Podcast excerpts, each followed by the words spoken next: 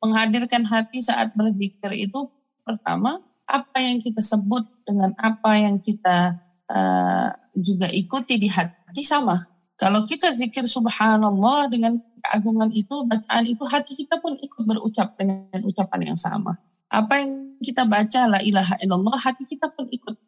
Dan itu disertakan dengan uh, bagaimana cara kita memahami makna itu tadi. Kalau seandainya kita berzikir ini saran saya baca maknanya, baca artinya agar itu lebih membuat kita bisa menghadirkan hati kita dengan khusyuk saat kita membacanya.